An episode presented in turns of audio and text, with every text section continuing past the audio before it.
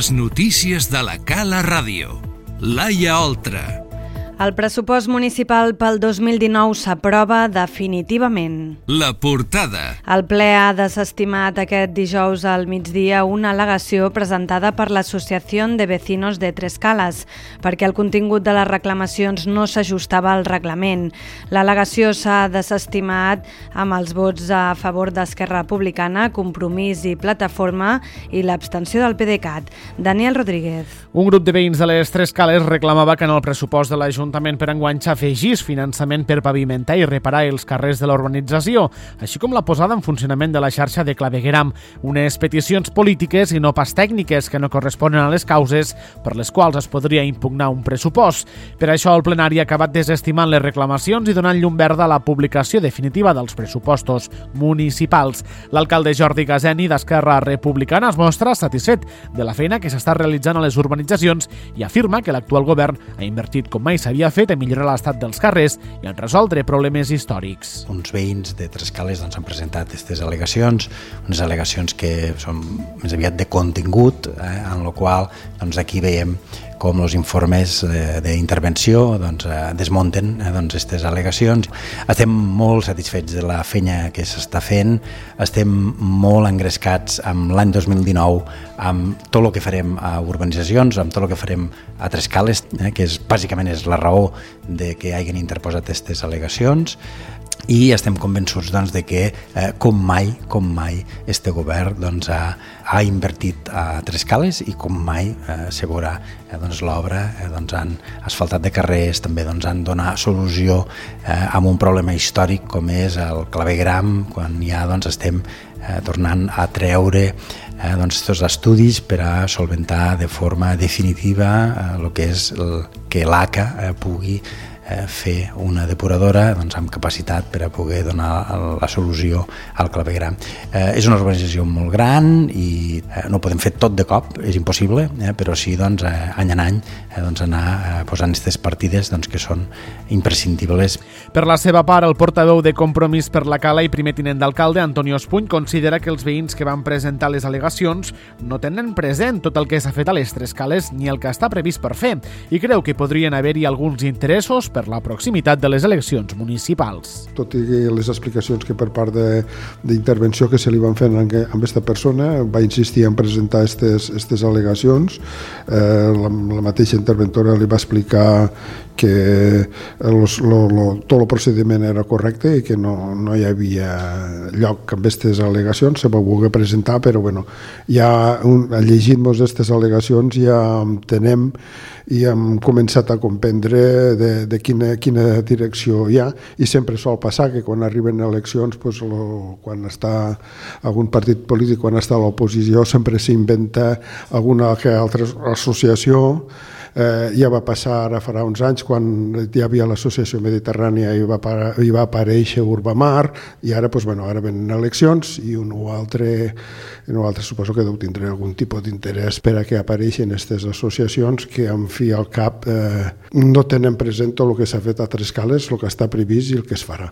D'altra banda, el portaveu de plataforma Calera, Joan Font, argumenta el seu vot perquè s'han adaptat al que diu l'informe d'intervenció, que el contingut de les al·legacions és polític. Nosaltres hem adaptat al que diu l'informe d'intervenció, que és purament tècnic jurídic, perquè no s'adapten als, requisits que marca la llei i per tant s'ha desestimat per aquest sentit. L'altra cosa és el contingut que més aviat és polític dels interessos de tota l'entitat, de, de tota l'organització, referent a clavegueres, referent a il·luminat, referent a, a l'asfaltat de carrers.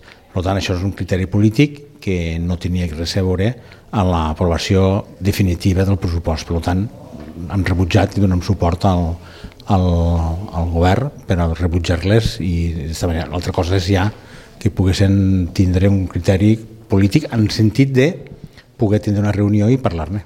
I la portaveu del PDeCAT, Eva de l'Amo, explica que s'han abstingut per ser coherents amb la votació del pressupost, per no haver pogut participar en la confecció dels comptes. Nosaltres ens hem abstingut al, al ple, eh, bàsicament per ser coherents en la mateixa votació que havíem tingut a l'aprovació del pressupost, que va ser en abstenció per no haver pogut eh, tindre cap mena d'elaboració en ells.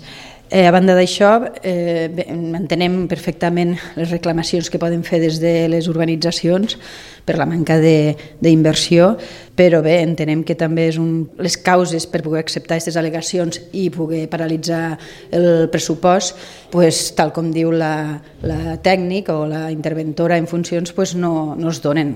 Per tant, seguint la coherència de, de l'aprovació dels pressupostos, eh, ens hem abstingut.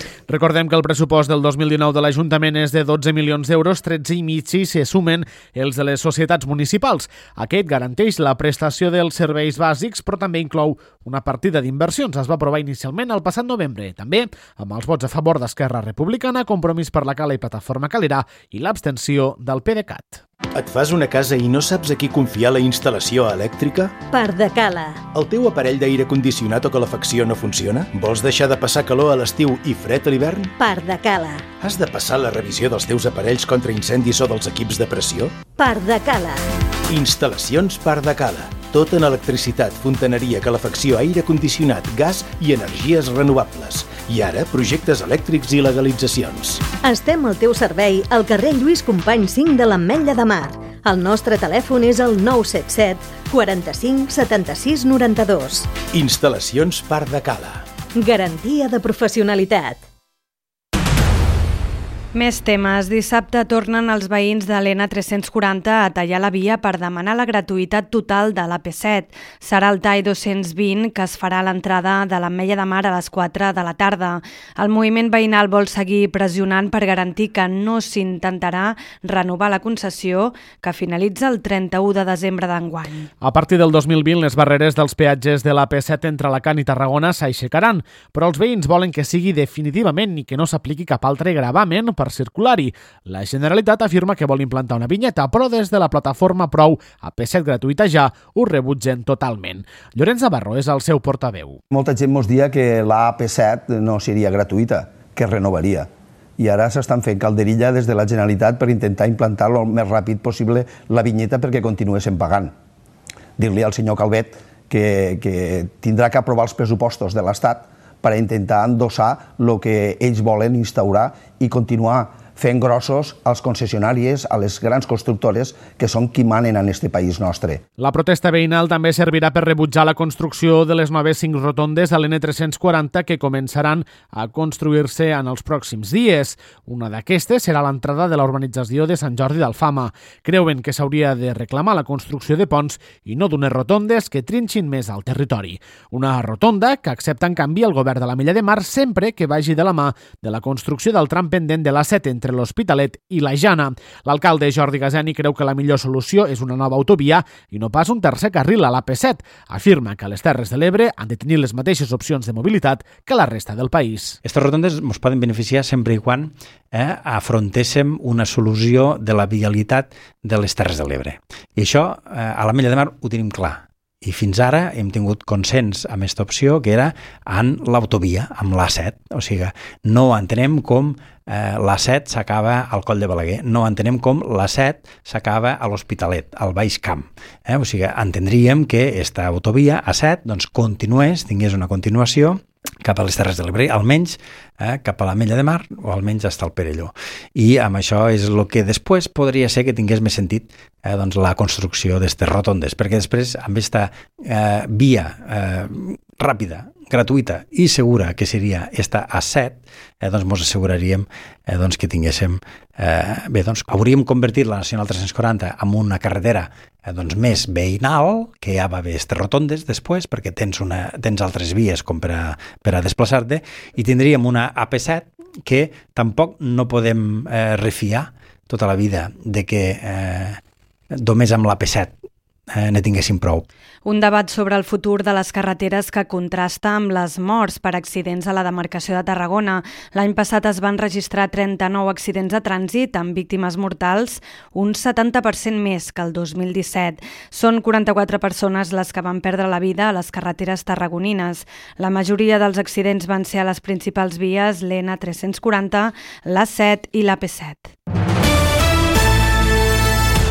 I el cantant de Papet i Marieta, Josep Bordes, ha reivindicat la seva llibertat artística i d'expressió sobre els escenaris després d'haver estat denunciat per la formació ultradretana Vox per suposat exhibicionisme durant un concert que va oferir a Castelló. Tinc la consciència tranquil·la, no he comès cap il·legalitat. Algú vol traure'n rèdit polític d'una acció que forma part de la meva expressió artística dalt de l'escenari. Només he reivindicat la meva llibertat d'expressió. És el que ha declarat l'artista arran de la controvèrsia. Com fa habitualment des de fa anys als escenaris, Bordes es va despullar per ensenyar les natges, ocultant això sí els genitals entre les cames, durant uns breus instants de l'actuació que va tenir lloc al desembre passat en motiu del 86è aniversari de les normes de Castelló. Canviem d'assumpte. Aquest diumenge 13 es compliran 80 anys de l'entrada de les tropes franquistes a Tortosa. Coincidint amb aquesta efemèride, s'estrenarà el documental A les fosques a l'Auditori Felip Pedrell, que recull testimonis dels bombardejos que va patir la capital del Baix Ebre. Ràdio Tortosa, Núria Mora. El documental a les fosques, elaborat per les empreses abrenques Terra Enllà i Bluebird, recull el testimoni d'una dotzena de persones que van viure els bombardejos que va patir Tortosa durant la Guerra Civil l'any 1938, quan eren nens o adolescents. Uns atacs que van provocar que bona part del nucli urbà de la ciutat quedés destruït, motiu pel qual es va haver d'evacuar completament la població. Un dels autors del documental, el periodista Oriol Gracià, ha assegurat que el valor principal del treball són les històries humanes de les persones que van viure aquest episodi bèl·lic. El documental que es veurà el dia 13 no és un documental diguem, enciclopèdic, no és un documental ple de dades, no hi ha la informació que trobaríem als llibres. Hi ha punts històrics, però el principal o el valor que té el documental són les històries humanes. Explica doncs, com es va viure el dia a dia, com es van refugiar a les muntanyes que hi ha al voltant de la ciutat, al Coll de l'Alba, a la Serra del Boix, i això també fa que el documental sigui proper a, a la gent. A les fosques es projectarà aquest diumenge, dia 13 de gener, a les 6 de la tarda al Teatre Auditori Felip Pedrell de Tortosa i tanca els actes de commemoració del 80è aniversari de la Batalla de l'Ebre que s'han fet a la ciutat. L'actualitat segueix a la cala rtb.cat.